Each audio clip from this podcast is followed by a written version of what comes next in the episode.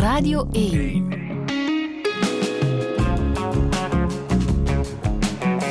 Douche. Met Friede Lesage. En met Christina de Witte. Goedemorgen. Goedemorgen. Hoe gaat het met jou? Best goed. Een beetje moe, maar oké. Je hebt dan ook spannende dagen achter de rug. Amai.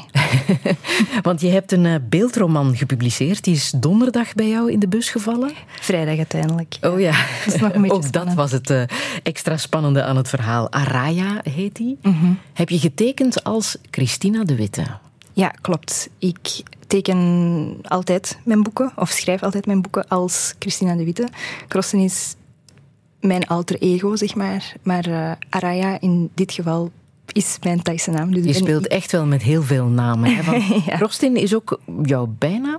Ja, ja een, een, een roepnaam, zou ik Wie heeft zeggen. dat verzonnen? Mijn broer. Ja? Ja, ja, ja. Die zei tegen zijn zusje, Krostin. Krostin. Is een roepnaam. is kort, krachtig, origineel. Ja, en zo kennen de meeste mensen jou ook via de tekeningen die je maakt voor Instagram, je wekelijkse rubriek bij De Standaard. Klopt. En Araya, dat is ook een naam van jou. Ja, officieel mijn tweede naam, mijn Thaise naam. Heeft ja. het een betekenis? Ehm, wonder, denk ik. Of zo'n mirakelachtig. Oh, wauw. Zwaar beladen. Maar Ja. ja. Maar veel namen dus. Eh, Mag ik dan jou Christina de Witte noemen? Jij mag mij noemen hoe je wilt. Ehm, hoe zou jij jezelf omschrijven? Goh, een optimistische nihilist, denk ik dat wel in de buurt komt. Optimistische nihilist. Ja, ik, ik heb veel hoop, maar ik ben ook wel best realistisch. En dat is hoe dat ik mezelf zou omschrijven. Ik zie in heel veel dingen wel een silver lining of een, een reden waarom dingen gebeuren. Maar dat neemt niet weg dat als dingen gebeuren, dat die ook wel pijnlijk kunnen zijn of zo. Dus ja, Helpt het dan om veel humor te hebben? Ja. En zelfrelativering helpen allebei heel, heel erg. En zeker dat in zijn comic twee dingen die heel erg in jouw tekeningen zitten, hè? Ja, ja. Ja, ja. Maar je hebt ook die tekeningen nodig om dat naar buiten te kunnen brengen? absoluut. Ik aanschouw eh comic maken, cartoons tekenen, eigenlijk als een vorm van een dagboek bijhouden, een uitlaatklep, een artistieke uitlaatklep. Ja, dat is absoluut een manier voor mij om dingen te verwerken en om te kunnen loslaten. Ja, Wie noemt jou Bean? veel mensen. Ja. En ik noem veel mensen ook Bean. En dat is- wat, waarvoor staat Bean? Oh, dat is gewoon een boontje. Dat is, dat is, Ja. een, dat is een, ook een nickname voor, voor mensen. Ik ben, ik, oh, ik, ik ben altijd zo op de lookout voor originele nicknamen, nicknames. Omdat, ja, ik, ik vind... Er, er is een tekort aan, aan troetelnaampjes. ja. En waarom zie jij jezelf als Bean, als een bootje? Dat is zo grappig. Eh, dat is, niemand heeft me dat ooit gevraagd, dus ik vind dat wel echt iconic. Ehm, omdat boontjes zijn heel klein, maar die zijn wel heel waardevol en ook eh, voedingrijk. Dat Voilà. is waar. Voilà, Ja. maar toch klein. Mag ik jou ook een influencer noemen? Oh. Ehm, Nu zucht je al wat meer, hè? ja, eh, het probleem is, er hangt een hele negatieve connotatie aan het woord influencer, vind ik. Maar anderzijds ben ik ook wel van mening dat iedereen een influencer kan zijn. Want influencen betekent gewoon invloed hebben op iets of iemand. En als ik mijn invloed kan uitoefenen op de wereld for the better, dan ben ik graag een influencer. En maar op welke manier doe jij dat, denk je? Ehm, door taal te vinden, denk ik, voor bepaalde gevoelens en bepaalde ervaringen die wij allemaal meemaken en doormaken, maar die misschien niet kunnen vinden, die taal. En als het voor mij al helpt om die gevoelens, bepaalde gevoelens te kunnen vertalen naar tekst en beeld, en andere mensen herkennen zich daarin, dan denk ik dat dat al een best grote invloed is. Mm, Want je hebt 85.000 volgers op Instagram. Dat Ja. is niet niks. Dat is En niet weinig, nee. Het zijn vooral jonge mensen natuurlijk die in jou toch een soort voorbeeld zien of Ja. zichzelf soms herkennen in de verhalen die jij vertelt. Ik moet wel zeggen, jonge mensen, maar niet alleen jonge mensen. Ik heb echt een heel breed publiek aan, aan lezers. En dat, dat zal ook wel met de standaard natuurlijk te maken hebben. Maar ik heb, een, ik heb een hele grote groep die daar samen met mij is opgegroeid. En dat is wel heel uniek. Je verwijst ook in dit boek bijvoorbeeld naar het JAK, hè, het jongerenadviescentrum. Dat doe je bewust. Heel Omdat anders de verhalen bij jou terechtkomen. En dat gebeurt wel vaker. Ik, heb, ehm, ik, ik zet mijn DM's vaak open, dus mijn berichten op Instagram zet ik vaak open. En ik probeer wel een luisterend oor te zijn voor mensen die um, met iets zitten. En heel vaak zijn dat heel zware verhalen. En ik, ik, neem, ik neem alles in mij op. Ik ben heel, heel gevoelig, dus ik, ik, ik, ik slorp dat echt op als een spons. Maar, dat is te veel voor één meisje. Klopt, klopt. En ik, dat gaat gewoon niet. Je kunt niet al het leed van de wereld op je schouders dragen. Dus vond ik het wel heel belangrijk om dat te kaderen. Dat als mensen nood hebben aan een gesprek, dat ze dat effectief moeten doen. Ah, Christina de Witte, welkom in Touché. Dank u.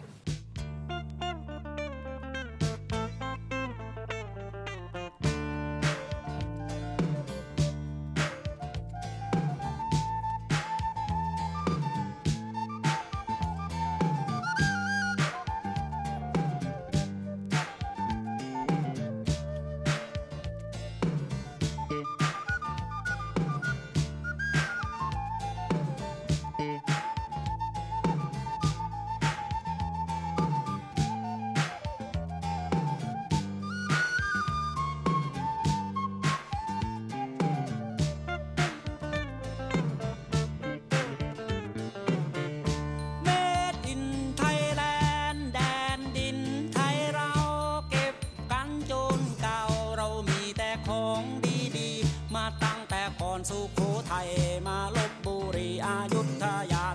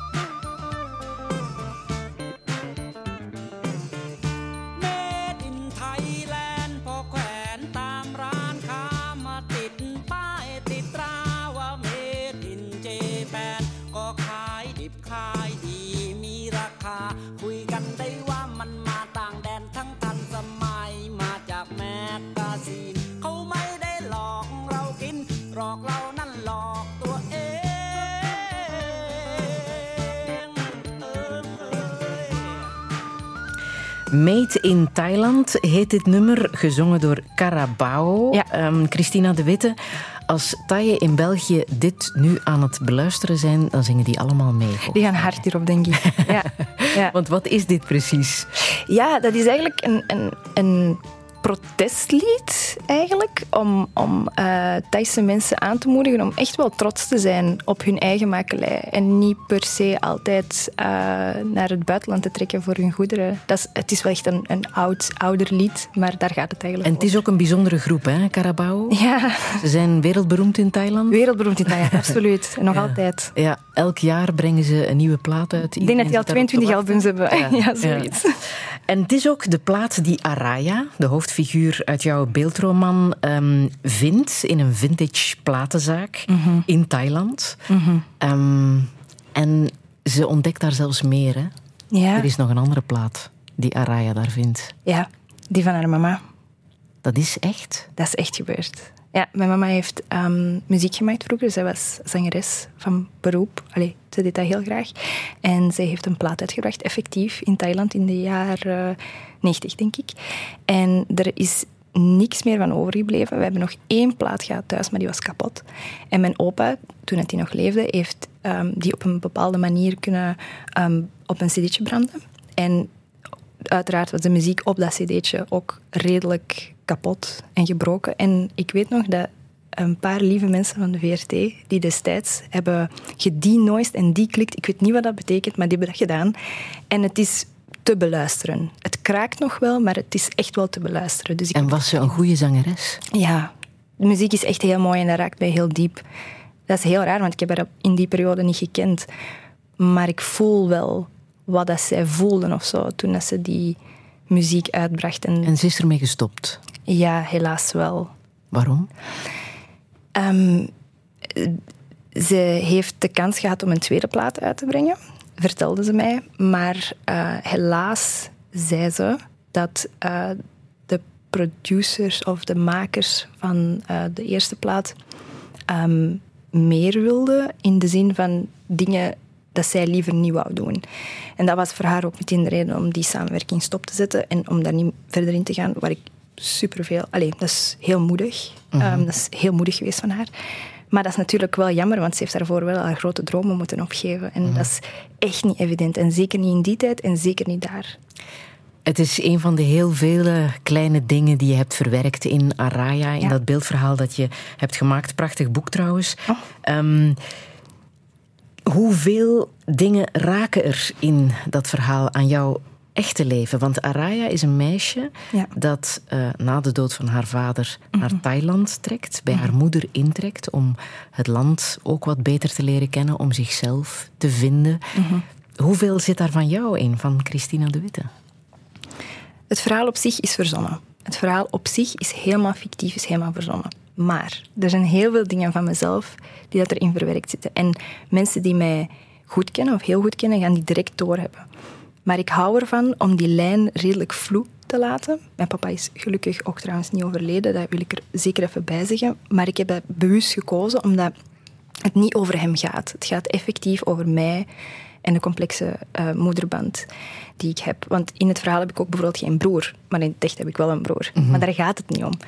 En heel veel van die kleine elementen, zoals je daarnet aanhaalde, zitten erin, want die zijn wel echt gebeurd. En die maken een verhaal zo persoonlijk dat ik die niet kan verzinnen. De, -hmm. In realiteit zijn ze gewoon beter. Ik kan, kan bepaalde dingen gewoon niet verzinnen. Hoe goed ken jij Thailand? Um, ik zou willen zeggen best goed, maar dat is eigenlijk niet waar. Want ik heb eigenlijk maar een paar regio's uh, tot nu toe bezocht. Heel veel de hoofdstad. Um, de regio van mijn mama, waar mijn mama vandaan komt, Udon Thani, dat is echt in het noordoosten, want dat is dicht tegen Laos. Mm -hmm. Daar heb ik wel herinneringen aan. Um, maar Welke herinneringen heb je daaraan?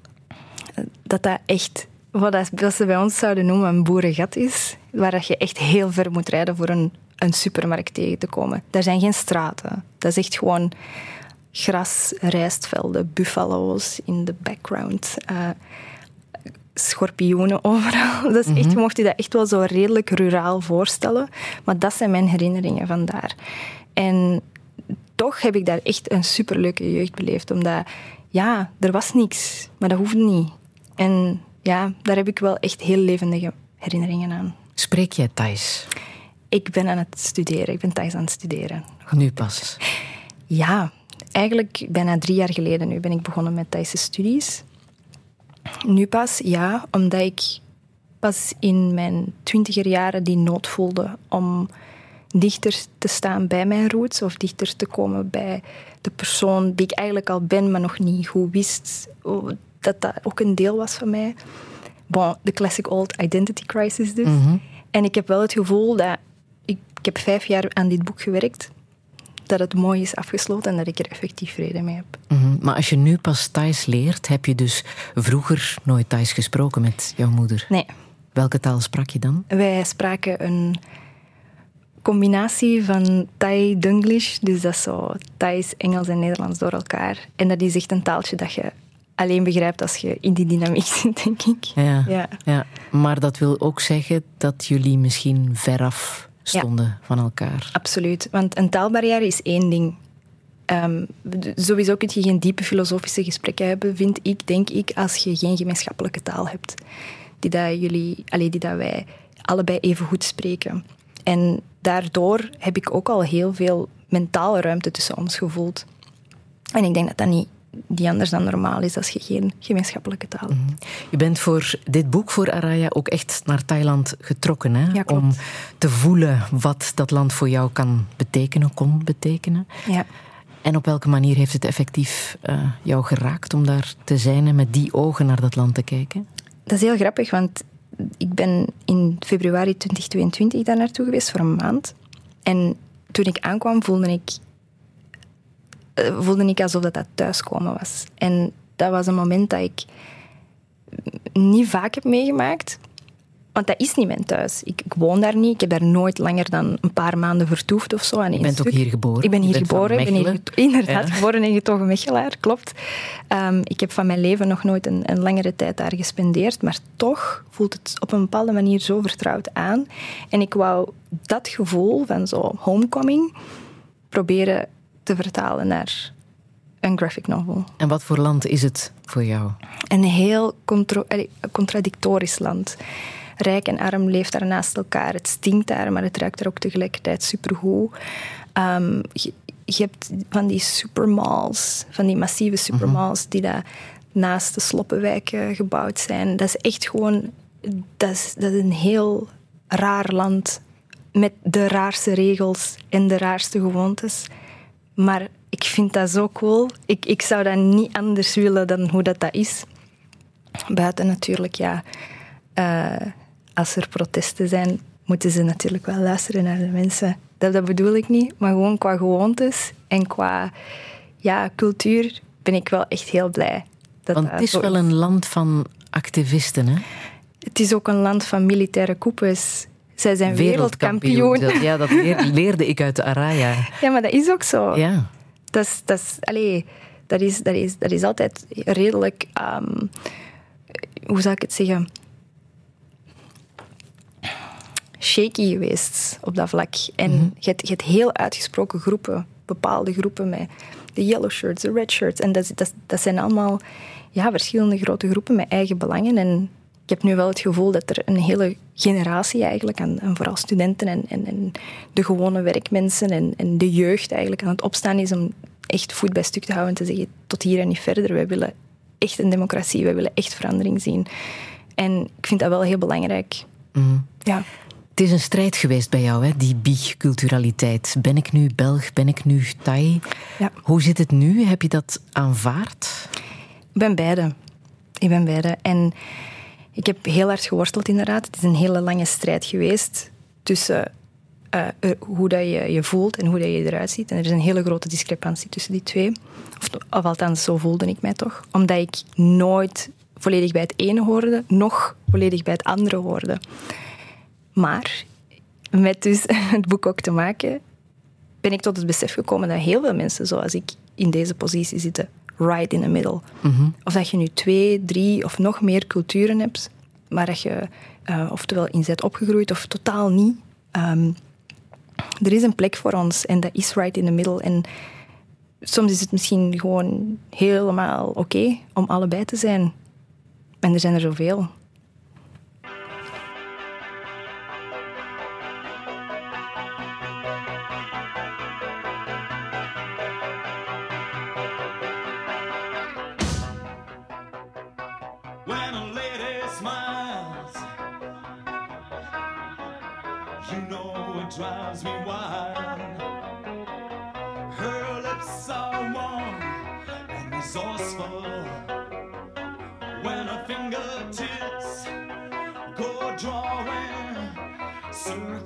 in the night. And the mood is soft and sensual. And I love it. Yeah, I love it. It's the answer to all my dreams. Every time it feels like the earth is shaking.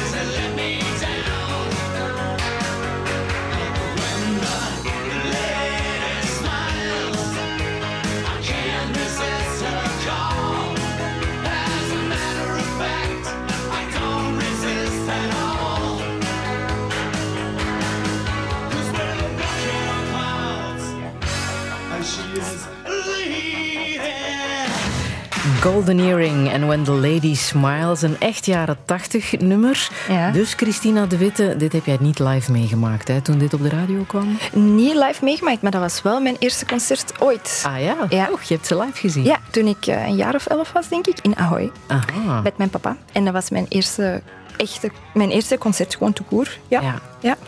Je hebt een heel sterke band met jouw papa, hè? Ik denk het wel, ja. ja. En dat is ook omdat je bij hem bent Opgegroeid? Ja, dat zou je wel kunnen stellen, ja. Hoe is dat zo gekomen? Ehm, mijn ouders waren gescheiden toen ik een jaar of negen, tien jaar was of zo.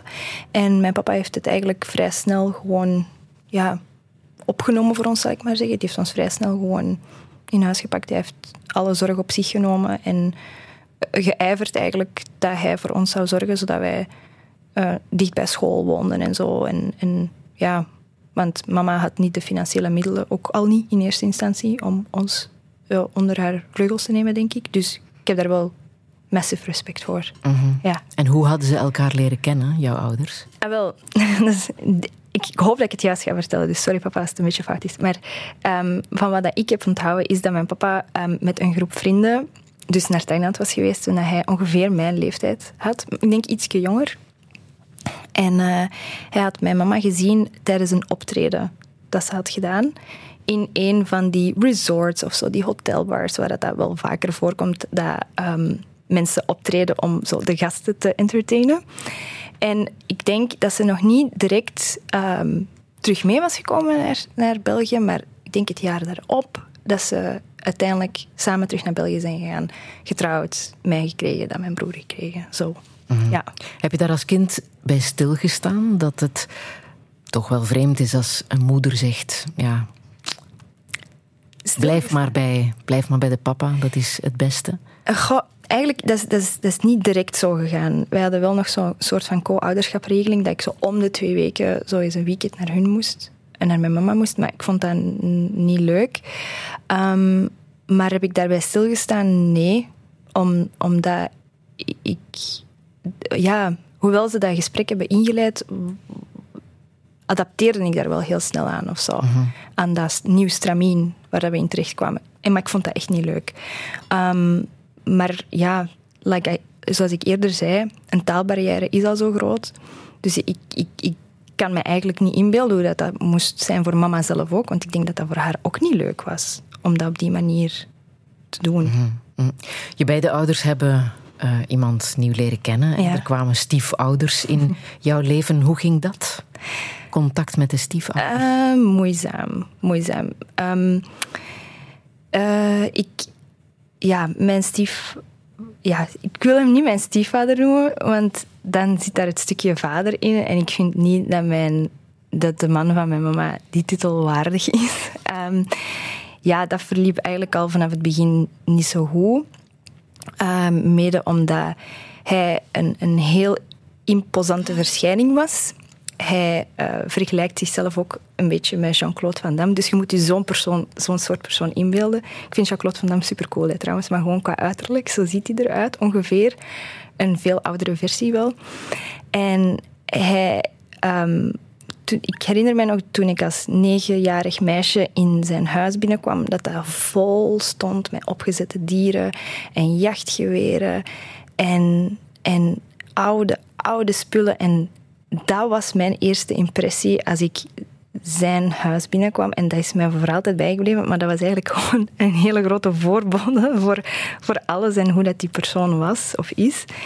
En ja, dat is gewoon echt geen, geen leuke omgeving, denk ik, voor een negenjarig kind. En dan nog een zesjarig kind, mijn broer. Mhm. Ja. Want wat voor contact had je dan met hem? Uh, redelijk oppervlakkig contact. Wij konden, ook al spraken wij gewoon Nederlands allebei, konden, hadden, hadden, eigenlijk, hadden wij eigenlijk geen raakvlakken.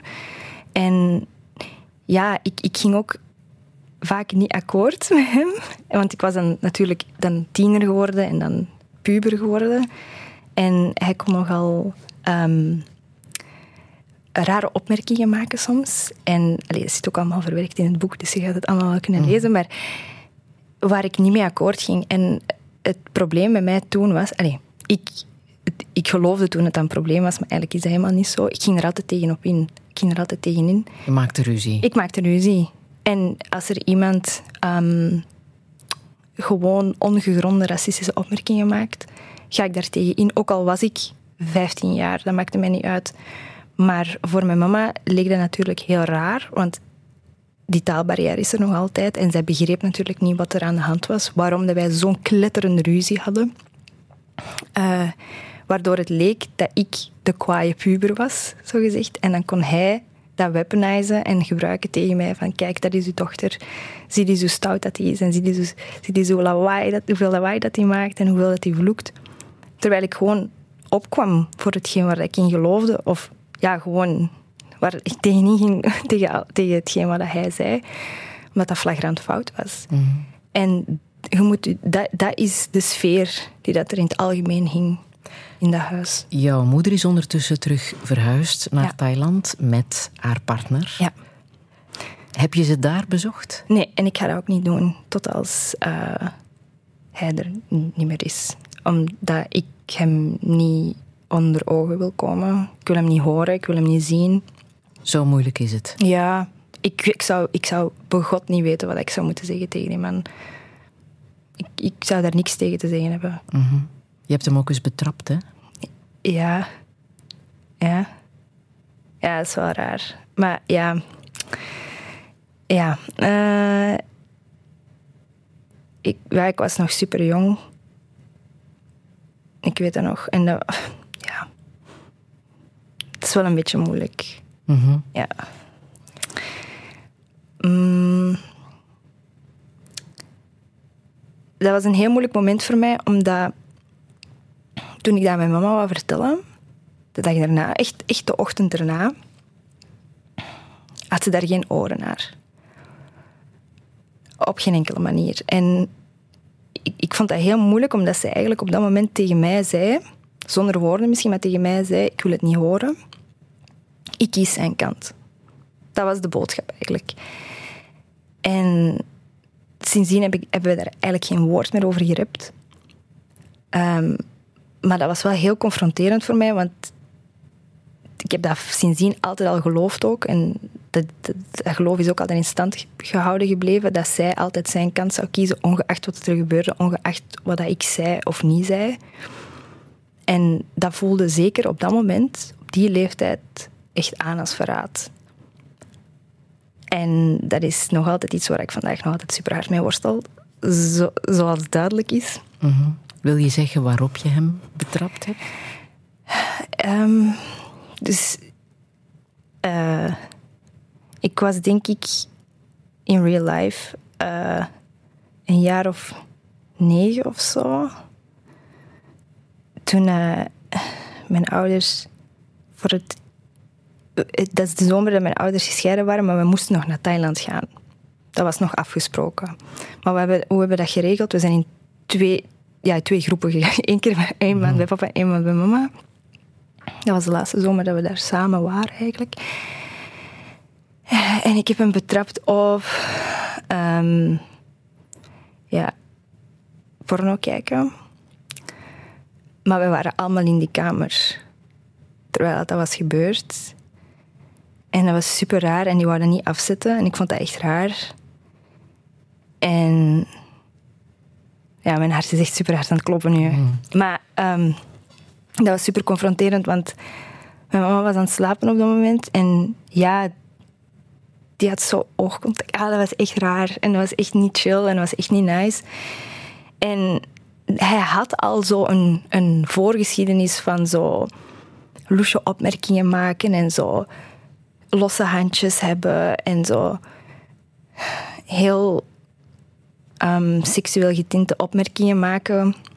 Waar mijn mama ook gewoon bij was. Hè. Maar weer door die taalbarrière had mama dat natuurlijk niet door. En daardoor kwam hij mij heel veel weg. Jij was nog zo jong. Ja. Kon je daar dan over praten? Nee. Tuurlijk niet, want je denkt ook niet... Allez, je denkt ook niet dat dat abnormaal is of zo. Ik, ik dacht dat dat zo hoorde. En als je dan begint na te denken over nog andere dingen die hij had gedaan, daarna of daarvoor, dan is 1 plus 1 wel 2 natuurlijk. En dan, dan begint je na te denken over andere momenten dat hij nog andere dingen had gedaan of u, uw privacy heeft geschonden op verschillende manieren. Um, en, uw, en uw integriteit op verschillende manieren heeft geschonden. En dat gebeurt allemaal binnenshuis. Tegen wie had ik dat moeten zeggen? Tegen mijn broer, die was veel te jong. Mm Heel veel van die dingen weet hij ook gewoon niet meer. Ik was net oud genoeg om, om, om echt dat besef te hebben.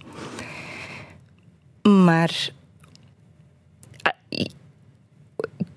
ik heb dat dus jaren later tegen mijn papa wel en tegen mijn oma ook uh, proberen te vertellen.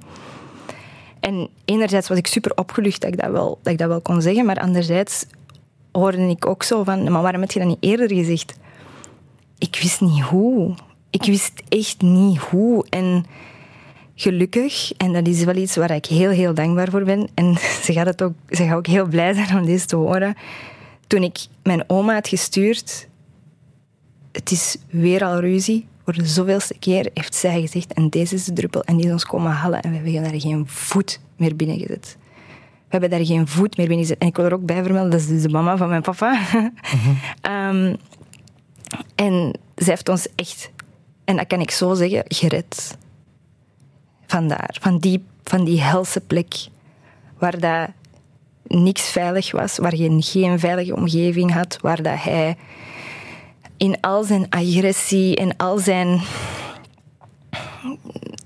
zijn gewelddadigheid eigenlijk, zo kan ik dat echt wel stellen, zijn vrije loop kon gaan, zijn tirannie gewoon de vrije loop kon laten gaan. En het was mijn oma die heeft gezegd tot hier en niet verder. En dat heeft mij echt gered.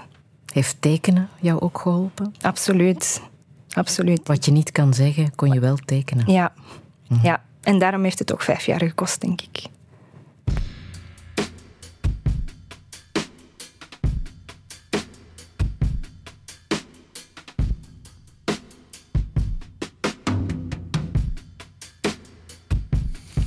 Been floating 24 7, can't remember when I last touched the ground. All these people in my house would like them to get out.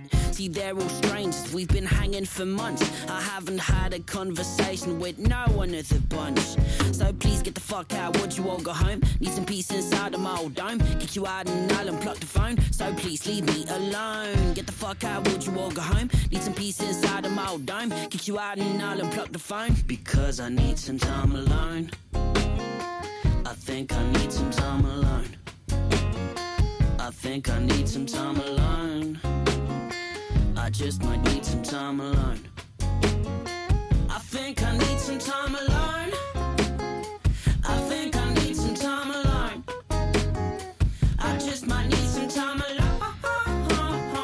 I think I need some time alone. Goddamn, I fear that I lost my way. Feeling out of place. Fuck, think that I might lost my head when I got into this damn rat race. Bro, I need my space. You know I love you, that's the case. But I lost myself, I'm not doing well. Need to get out of this maze. So right now, solitary confinement here. I'll say goodbye to my old friend beer. Gonna clean up the atmosphere. Gonna face my fears until I hear the cheers. Want to become a graceful deer. Dodging all of your hateful spears. Living life in a whole new gear. But right now, baby, this my free time. I just need some me time. No, bro, I don't need no help. Don't you even ring my bell, baby. This my free time. I just need some me time. No, bro, I don't need no help. Don't you even ring my bell, baby. This my free time. I just need some me time. No, bro, I don't need no help. Don't you even ring my bell, baby? This my free time. I just need some me time. No, bro, time alone. I think I need some time alone. I just might need some time alone.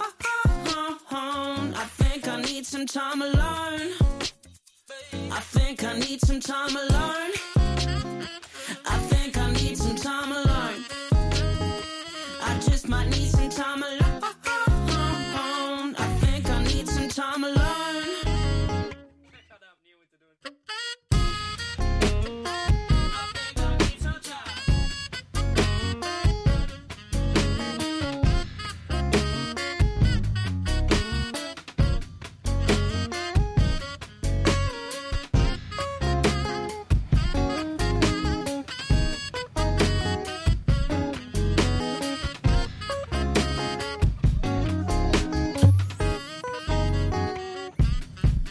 Sometime Alone. Het was de debuutsingle van muziekproducer Faisal, uitgebracht tijdens de coronapandemie. En voor de videoclip had hij zowat al zijn vrienden ingeschakeld. Daar zat jij ook bij, hè, uh, Krostin? Ja. Um, Average Rob zat er ook bij. Kat Kerkhoffs, uh, Jolien Roets. Uh, goeie vrienden heb jij? Ja, ze ze zijn hun vrienden, hè. maar ik ken die wel. En dat zijn echt toffe mensen, stuk voor stuk. Dus Creatieve ja. mensen. Creatieve mensen, inderdaad. Ja, ik noemde ook Average Rob.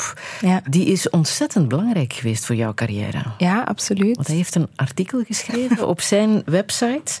Op de Port Panda website. Board Ja. Panda. Daar heeft hij het gehad over jouw cartoons. Daar was hij dol enthousiast over. Ja. En dat is gelezen door Ashton Kutcher. Een. Amerikaanse acteur. Ja, ja. En die heeft dat gedeeld ja op Facebook. zijn Facebookpagina toen. Dat is dan weer gelezen bij door Mark Gottlieb, mijn literair agent. agent Ja. in New York. Klopt. En die schreef jou een mailtje. Die schreef mij een Facebookberichtje. Een Facebookberichtje. Ja, Zo ja. gaat dat tegenwoordig. En ik dacht, nee, dat kan niet, dat is fake. maar effectief. Gecheckt. Ja, effectief En het bleek echt Het bleek Mark echt. Gottlieb te Want, zijn. want ik heb hem in het echt ook gezien. Ja. Wat vroeg hij jou? hey, ik heb, jou, ik heb jouw werk gezien via Ashton Kutcher en ik zou willen vragen of je het zou zien zitten om van jouw comics een boek te maken. En ik dacht, ah, oké, tof, een verzameling van mijn cartoons, helemaal geen probleem. Maar hij bedoelde een echt boek met woorden. Eh 60.000 daarvan. Eh, en ja, ik denk nog geen drie, vier maanden later zat ik op het vliegtuig naar New York. Toen was je 19? 19 of net 20 misschien. Of ik moest nog 20 worden, ja. Hoe zot is dat? Ja. Dat je ineens zo'n weg aangeboden krijgt Ja. eh, in jouw leven ehm, Ja, om aangeboden een boek te gaan maken in Amerika. In Amerika, klopt. Dat is ook alleen maar gekomen omdat er één persoon was in mijn leven, Robert, Average Rob, die meer geloofde in mij dan ikzelf. En daardoor is heel die domino-rij gevallen. Ja, Je hebt effectief een boek gemaakt, hè? Toen, ja. Ja. The Ultimate Survival Guide to Being a Girl. Mij een hele mond vol. Wat dan ook vertaald is geweest in... eh, eh, Sommige meisjes, meisjes houden niet, Niet van rozen. Ja, Ja. klopt. In het Nederlands. En eh, dat was een... ah, Ik was zelf nog zo jong.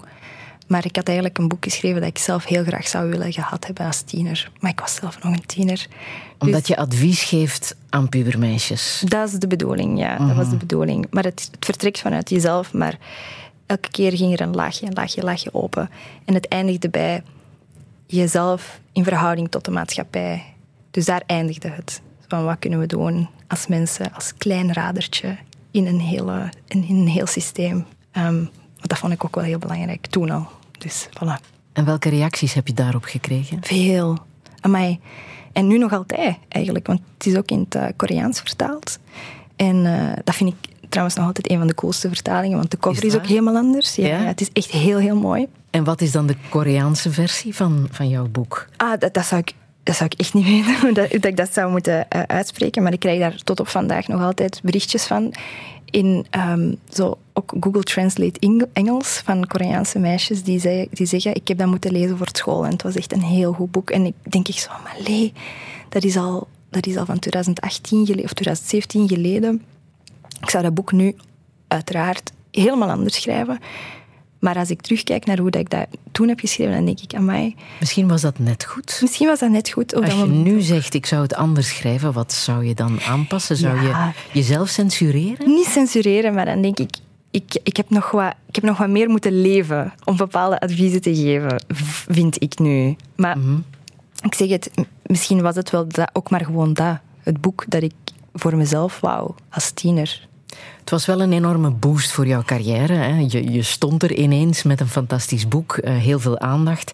Ehm, je bent ook eh, de cartoonist van Flair eh, geworden. Ja. Dat was een heel druk leven, Ja, een heel een druk- beetje te druk. Heel intens, ja. Heel druk in de zin van heel veel deadlines. Heel grote deadlines. Elke week heel grote deadlines.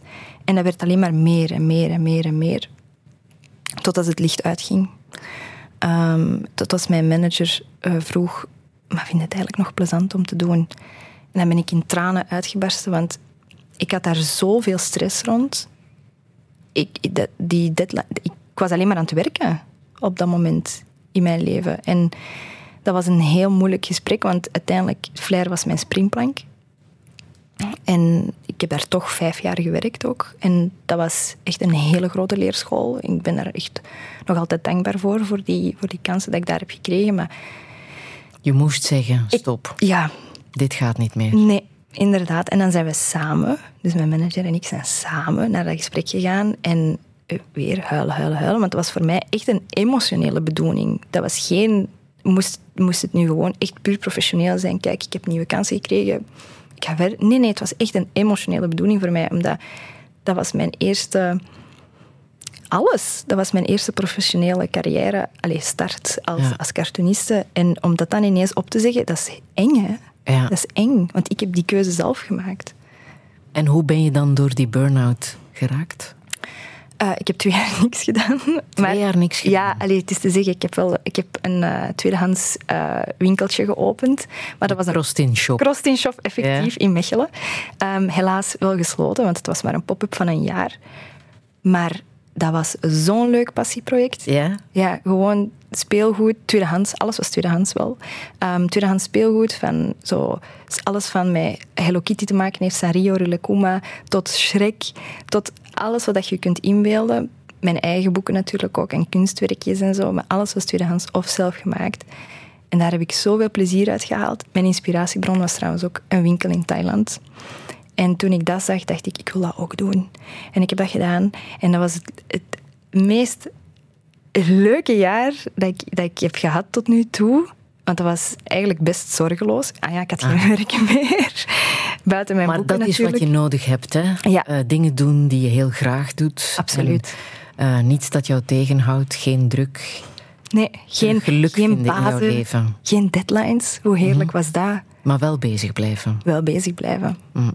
Maar ondertussen is je winkeltje gesloten. Ja, maar ik ben wel blij hoor, ergens, want ik, ik kon de toewijding niet meer opbrengen om daar elke dag te gaan zitten. Dat was, eh, ik, ik, ben nogal, ehm, ik werk heel graag projectmatig, maar mijn toewijding op, opbrengen voor iets dat echt elke dag zoveel werk en ja, ik, moet, ik ben de enige persoon die moet komen opdagen.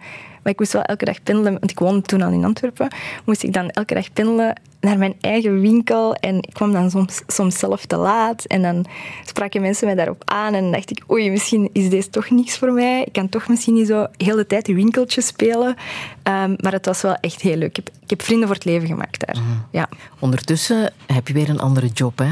Ja. Teken je voor de standaard. Hoe anders pak je het dan nu aan? Ben je daarin volwassener geworden? Dat, dat mag je wel zeggen, ja. Ja? Ja, ja, dat vind ik, ik vind dat zelf ook, dat ik daar volwassener in ben geworden. Ik snijd andere thema's aan, bijvoorbeeld. Ehm, mijn opdrachtgevers, allee, mijn redactieleden bij De Standaard, eh, eh, ze hebben in het begin ook gewoon gezegd, je mocht doen wat dat je wilt. Je, er wordt niks gecensureerd. Je mocht schrijven over je hobby's, over hetgeen wat dat u aangaat, of allebei. Ehm, en dat was zo verfrissend voor mij. Mm, Maar tegelijkertijd was dat ook wel een beetje eng, want ik moest hele grote schoenen vullen. Mijn voorganger was Eva Mouton. Dat is iemand waar ik echt wel naar opkijk. En we hebben ook een gesprek gehad. Super lief. Echt zo. Zij zei, dus Eva zei, ik had niemand anders gezien of zo deze moment dan jij. En dat was zo'n groot compliment. En toen dacht ik, oké, ik moet het toch wel doen. En ik, heb, Dat helpt, hè? ik heb maanden getwijfeld, echt Ja. oprecht. Als zo iemand tegen jou zegt, doen, ik sta achter je. Dan doe ik het.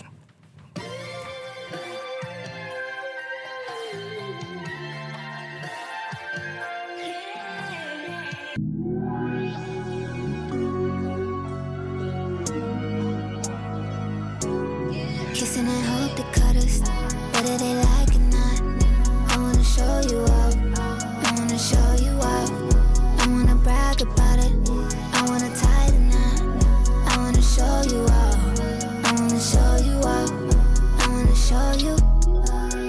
Yeah, yeah. I wanna show you up, I wanna show you up. I wanna show you.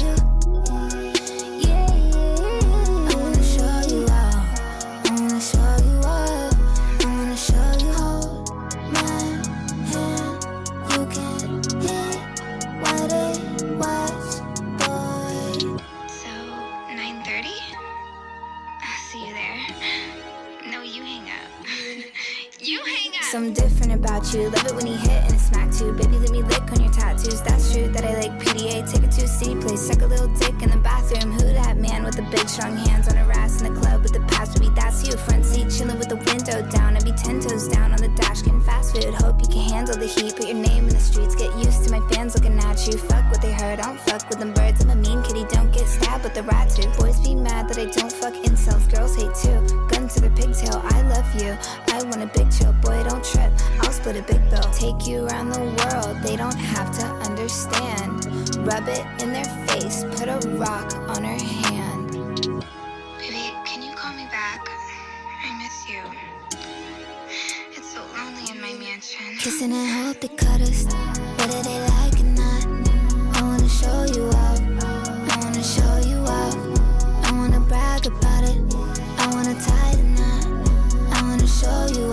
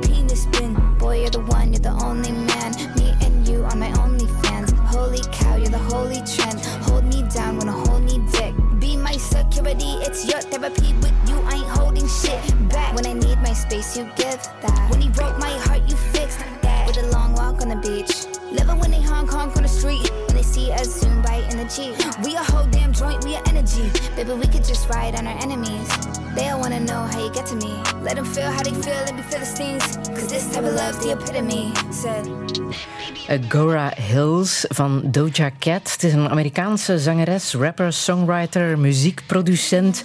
24 miljoen volgers op Instagram. Wow. Dat is twee keer België, hè? Oh, wow. Christina de Witte, Ja, wow. daar ben je nog niet, hè? Maar ik weet ook niet of ik daar wil zijn. Eerlijk, dat is, dat is een druk waar ik nu al mee worstel. Laat vallen als je twee keer België... Oh, allee, twee keer Belgische ogen op je hebt gericht staan. Nee, 24 miljoen. Het is ook voor haar behoorlijk veel druk, hè? Want Ja. het is toch op een of andere manier een voorbeeld voor jou. Wel, ik heb getwijfeld om haar nummer ertussen te steken, omdat ja, het is en blijft een popster. Maar de manier hoe dat zij nu helemaal losbreekt van klassieke normen en waarden in de popwereld, maakt zij nu, zoals ze ook zelf zegt, het werk dat ze wilt maken. En dat vind ik zo belangrijk, want zij zegt ook: ehm, zet mij niet op een voetstuk. Stop met mij zo te allee, idolizen en dat hoeft allemaal niet. En ik vind dat heel eh, verfrissend, omdat je mocht geen fouten maken anders als je op een voetstuk staat. En ik wil juist heel veel fouten kunnen en mogen maken. En die erkennen. Zeg En die erkennen. gemaakt. En eruit leren. En dat vind ik wel heel belangrijk. Mm, Ze vergelijken eh, jou met haar. Mijn vrienden, mijn vrienden soms, omdat qua karakter blijkbaar eh, lijken wij wel soms op elkaar. Een beetje koekoe. maar eh, ik vind dat wel echt een heel mooi compliment. Want zij is, ze is gewoon echt, echt een, een heel toonaangevende popartiest voor Beroemd geworden tijd. door TikTok, hè? Ja, ik, ik kende haar al voor TikTok, dat wil ik er wel bij zeggen. Eh, ik, ik ken haar al van Sinds Moe Mhm. en Tia Tamara en haar andere oudere albums.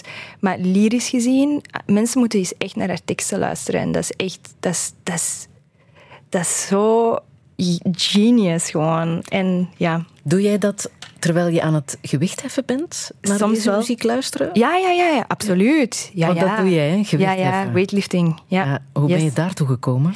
Oh, goh, amai, dat is ook wel een, echt een lang verhaal. Maar basically waar het op neerkomt is... Ik worstel ehm, al bijna acht jaar met een chronische aandoening. Waardoor ik eh, eigenlijk niet goed kan bewegen zonder daar eh, over heel mijn lichaam ehm netelroos urticaria van te krijgen. Dus inspanningsurticaria heet dat. Ik kan niet lopen, ik kan niet fietsen, ik kan niet zwemmen zonder ehm, kortademig te worden een hele grote allergische reactie te krijgen. Daar komt het op neer. En ik was dat zo beu, want ik kon niet meer sporten, maar ik hou van sporten. En uiteindelijk ben ik bij mijn personal trainer terechtgekomen. En dat is echt, allee, dat is een vriendin geworden van mij, Babette. I love her so much. Maar zij heeft mij eigenlijk laten zien eh, dat je wel degelijk kunt bewegen zonder pijn te hebben. En dat doe jij. En het helpt? Drie à vier keer per week. Dus het helpt. Ja, absoluut. Ja. Ja. Ehm, laten we straks verder praten, want er is nog heel veel hè, Ja, dat we, Nog waar te we het moeten over hebben. Ja, klopt. Dat is voor zometeen Christina de Witte. Yes. Radio 1.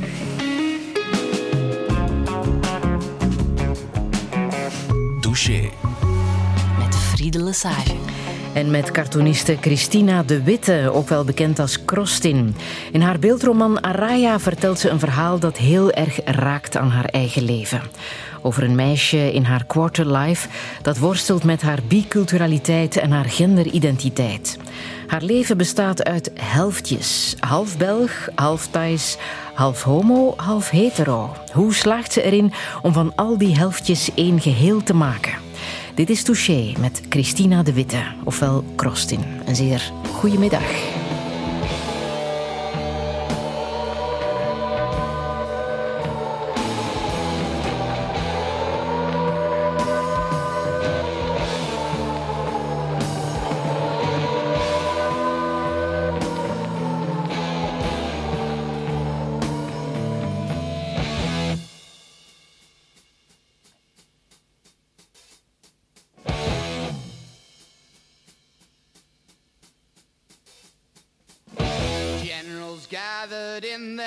Masses,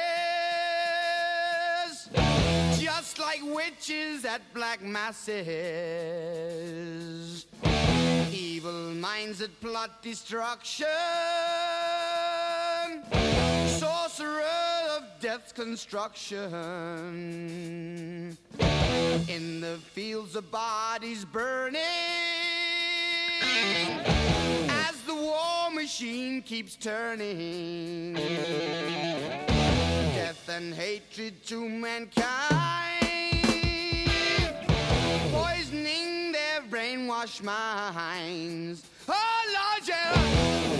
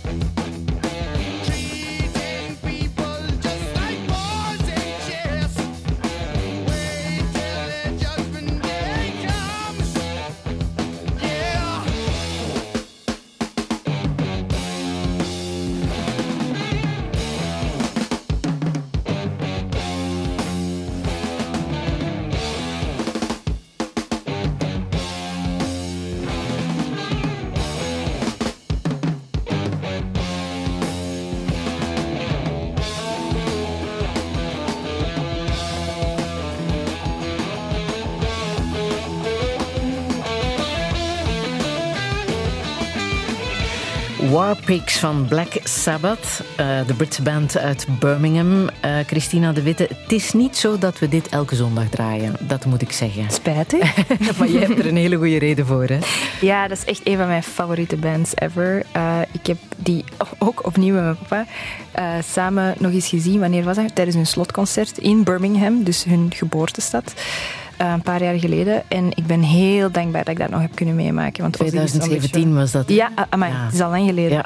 Maar eh, Ozzy is een beetje ja, aan het sukkelen met zijn gezondheid. Niet moeilijk natuurlijk, na al die jaren drugs en zo. Maar eh, ja, ik vind, dat wel heel, ik vind dat wel heel cool. En voelde jij je thuis tussen eh, dat publiek? Ja, eigenlijk wel. Ja? Want ik, het, het, het vooroordeel vaak met zo metalheads is dat die zo heel ruig en zo heel ja, agressief zijn. Maar dat zijn heel vaak gewoon echt de liefste mensen ooit. Eh, hetzelfde op Graspop, als je, als je daarin vertoeft. Ik, heb ik voel me echt altijd super veilig op Graspop. Maar je doet ook aan gewicht heffen natuurlijk. nu, ja. Of is dat ook een vooroordeel dat we hebben tegenover mensen die aan gewicht heffen doen? Ja, ook, ik had heel veel vooroordelen tegenover mensen die gingen gymmen en gewicht heffen. Ik dacht altijd ook altijd zo die zware macho mannen waren. Die dat, maar nee, dat zijn ook vaak gewoon echt heel lieve, zachte mensen die super behulpzaam zijn. En ja, daar, we zijn er allemaal met hetzelfde doel, hè. sterker worden. En dat is eigenlijk super cool. Ik heb heel veel van mijn eigen vooroordelen ontkracht daar. Ah, Ja. En is dat ook de reden waarom jouw vader eh, Black Sabbath luistert? Eh, de reden, dat weet ik niet. Maar ik weet wel dat hij van jongs af aan echt al een hele grote metalhead van... Allee, metalhead was eigenlijk. Dus ik heb dat allemaal meegekregen van hem. Maar toch peperkoekenhartje? Ja, dat wel. Ja, ja, echt Dat klopt. zacht. Ja. ja. En dit nummer, Warpix, ja, ik vond dat zo toepasselijk gewoon voor ja, de huidige tijd waarin we nu leven. Ehm, zeker met de nodige dosis kritiek op de US War Machine, het imperialisme. Ehm, en ik vind dit lied er nog altijd zo accuraat over gaan. Dus dit, dit moest erin, vind ik. er zit ook een activiste in jou, hè? Eh, Ja. ja. Van wie heb je dat meegekregen? Van mijn vader. Ook? ja. Ja. Hij was eigenlijk degene die mij meesleurde naar mijn eerste protesten in Brussel. Mijn eerste betogingen. En Hij- welke waren dat dan? Ehm, ik zat nog in het middelbaar toen. Dus dat waren zo eh, veel vakbondstakingen. Ehm, ik denk dat we ooit eens naar zo'n protest zijn gegaan. Eh, Echt heel veel eigenlijk. Zoveel dat ik me zelfs niet kan herinneren. zeker op die leeftijd ook niet goed kan herinneren voor wat dat allemaal was. Maar hij heeft mij van jongs af aan ook wel, wel heel duidelijk gemaakt dat we het recht hebben om te staken en waarom dat we dat doen. Ehm, al het activistische dat ik in mij heb, heb ik ook van hem. Hij heeft mij eigenlijk ja, de fundamenten gegeven voor zo, ja, hi- historisch gezien, hoe, hoe dat de wereld min of meer in elkaar zit. Dus Mhm. Want hij- heeft hij ook een job? die Nee, hij- hij uitnodigt tot? Ja, maar dat is, ook, allee, dat is ook een belangrijke job natuurlijk. hè. Absoluut. Hij is jarenlang postbode geweest. En ja, dat is ook belangrijk, hè, je brieven thuis krijgen en zo. Ja. Maar nu werkt hij bij de filatelie, de postzegelfabriek, weet ik veel. ja. Dan moet hij wel heel erg trots geweest zijn toen jij zelf een postzegel mocht ontwerpen. Ja, als dat was superleuk. Amai, we hebben daar echt wel voor moeten batteren. Want allee, het is niet dat hij zo inspraak had of zo, maar dat was wel superleuk om te doen. Dat was ook een hele, hele leerrijke ervaring. Maar eh, dat, hij stuurde mij recent nog die herinnering van op Facebook door. Hij had die foto's nog eens teruggevonden. En dat is ook al een tijdje geleden. Mhm. Ehm, en dat was wel nog altijd een van de coolste dingen dat ik heb mogen doen. Mhm. Ja. Maar dat activisme, je hebt ehm, Amanda Ngoyen ontmoet Ja. tijdens eh, de expo What Were You Wearing in eh, Klopt. Eh, Brussel was dat. Mhm. Ehm, waarin ze ja, outfits toonde Mhm. eh, die mensen aan hadden terwijl ze eh, seksueel belaagd werden. Hè? Ja. En jij werd daarop uitgenodigd. Ja. Ze weten jou al te vinden hè, voor dit soort onderwerpen. Wel, dat was voor mij de eerste keer dat ik mijn comics eigenlijk performed heb. Wat bedoel ik daarmee? Ehm, ik heb die in een videovorm gegoten en ik heb die voorgedragen. Mm, Maar dus eigenlijk een beetje slam poetry, daar kan je het een beetje mee vergelijken, maar dan met beeld. En dat was heel intens, ik ga niet liegen, maar dat was ook wel, want dat was ook de eerste keer dat ik dat heb gedaan. En ik dacht, kom, we doen dat gewoon hier. En ik heb daar allee, a- een heel goed gesprek over gehad met Amanda. En ik kijk super hard op naar haar, want... Wat zij- moeten we weten over haar? Wel, zij, eigenlijk exact tien jaar geleden werd zij zelf eh, verkracht op ehm, haar eigen campus in eh, Amerika. En zij heeft nu, tien jaar later, eigenhandig de wet kunnen aanpassen daardoor. Ehm, maar wat moet je nog weten? Zij is eh, daarnaast ook ehm, een astronaute in spe. Zij is een Nobelprijs-nominee. Zij levert fantastisch werk. En samen, allez, ze heeft ook zo een, uh, een organisatie Rise, Rise Now of Rise. En ja, zij verzet bergen Mhm. als het op seksueel grensoverschrijdend gedrag aankomt. En op welke manier heeft ze de wet kunnen aanpassen? Ja, de details weet ik niet exact, want ik denk dat het uh, grondwettelijk was. Of toch zeker in de US. Maar ik, van wat ik nog weet, dat ze tegen mij zei, is we kunnen alle hulp gebruiken, want we gaan het proberen wereldwijd te trekken. En dat is zo graaf. Mhm. Ja. Heb jij zoiets ooit meegemaakt, dat je seksueel belaagd werd? Ja, tuurlijk. Helaas, maar tuurlijk. Ik ken ook geen enkele vriendin die dat, niet heeft meegemaakt. Um, waarmee ik niet wil zeggen dat er geen mannen zijn die ook uh, seksueel geïntimideerd zijn geweest. Maar ja, het zijn helaas voornamelijk vrouwen. Um, gelukkig, en ik klop dat af, gelukkig, uh, ja, niet iets dat bij vandaag nog altijd allez, zo hard schaadt of zo. Maar ja, tuurlijk wel. Ja. Mm. Seksueel racisme mm. is iets wat volgens jou ook bestaat, hè? seksueel getint. Ja, racisme. zeker. Zeker. Ja. Uh, fetischisme, uh, exotisme, dat zijn allemaal noemers die daaronder vallen. Uh, ik denk daarbij bijvoorbeeld, als ik specifiek naar, we hebben het toch over Amanda, als ik specifiek kijk naar anti-Asian hate, um, is dat ook wel iets dat daar heel hard in voorkomt. Absoluut. Um, ik denk daarbij ook bijvoorbeeld aan die um, ja, aanslag dat een paar jaar geleden is gebeurd in Atlanta, mm -hmm. waarbij een, een, een, schutter eigenlijk doelbewust op uh, een aantal spa-massagesalons uh, is roekeloos beginnen schieten. Heeft daar een aantal mensen mee uh, gedood, vrouwen, Aziatische vrouwen, die dus in die massagesalons werkten. En dat, die gebeurtenis is mij super hard geraakt, omdat het wel ineens heel kort bij kwam of zo. Dat zijn, ja, obviously Aziatische vrouwen, dus die, die, dat zijn vrouwen die op mij lijken, die op mijn mama lijken. En mijn mama heeft ook in een massagesalon gewerkt, zij heeft ook een overval meegemaakt. En dat zijn zo van die dingen, dan komt het wel ineens wel heel dichtbij of zo. Dan, wordt, dan komt het wel ineens heel dicht in je eigen leefwereld. En ja, de schutter, diens, um, uh, hoe zal ik het zeggen, motieven uh, waren wel ja, in die richting. Dus mm-hmm. echt agressie en Asian hate eigenlijk. Mm-hmm. Over Aziaten zeggen ze vaak ook, uh, ja, dat is een modelminderheid. Ja. Hoe komt dat bij jou binnen, um, het woord modelminderheid? modelminderheid, wel, voor mij is dat ook al volledig debunked, want um, ik weet waar dat vandaan komt, ik weet hoe dat, dat is ontstaan. Uh, maar modelminderheid, dat, allee, dat is een mythe. Het is een mythe. Dat bestaat niet. Um, dat wordt heel vaak gebruikt als narratief om onze minderheid, dus de modelminderheid dan zo gezegd, op te zetten tegen andere minderheden. Om zo te zeggen van kijk, zij doen het wel goed, waarom kunnen zij dat wel goed doen en jullie niet? En dat is, ik, vind dat, ik vind dat agressief. Uh, ik vind dat gewelddadig. Ik, ik, ik, ik geloof daar ook niet in, in modelminderheden, want dat is gewoon een manier voor onze groep, zeg maar, uh, dus Aziaten in dit geval, hoger op de sociale ladder te kunnen klimmen. Um, maar ten koste van andere minderheden. En daar sta ik helemaal niet achter. Um, dat brengt ook bepaalde stereotypen met zich mee, ook al zijn dat positieve stereotypen, zoals alle Aziaten zijn goed in wiskunde of die moeten geen moeite doen op school, want die zijn toch zo slim, die kunnen allemaal viool, piano spelen en whatnot. Um, dat, in, zeker in mijn geval is dat niet zo. En dat legt een ongelooflijk hoge druk op, zeker op jonge kinderen, um, om toch die die doelen, of dat ze nu zelf willen of niet, te behalen. En op den duur wordt dat onhaalbaar. En daarom denk ik dat modelminderheid zo snel mogelijk weg mag.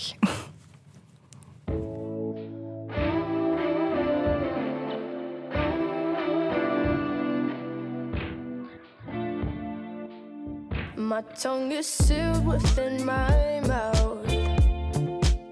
These certain words, they can't come out.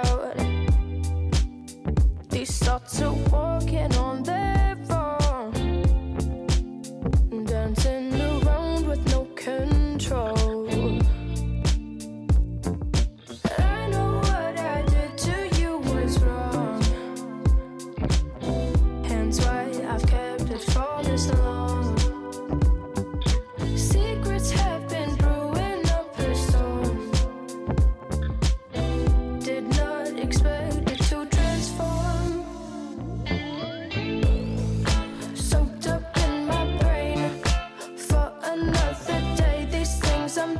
say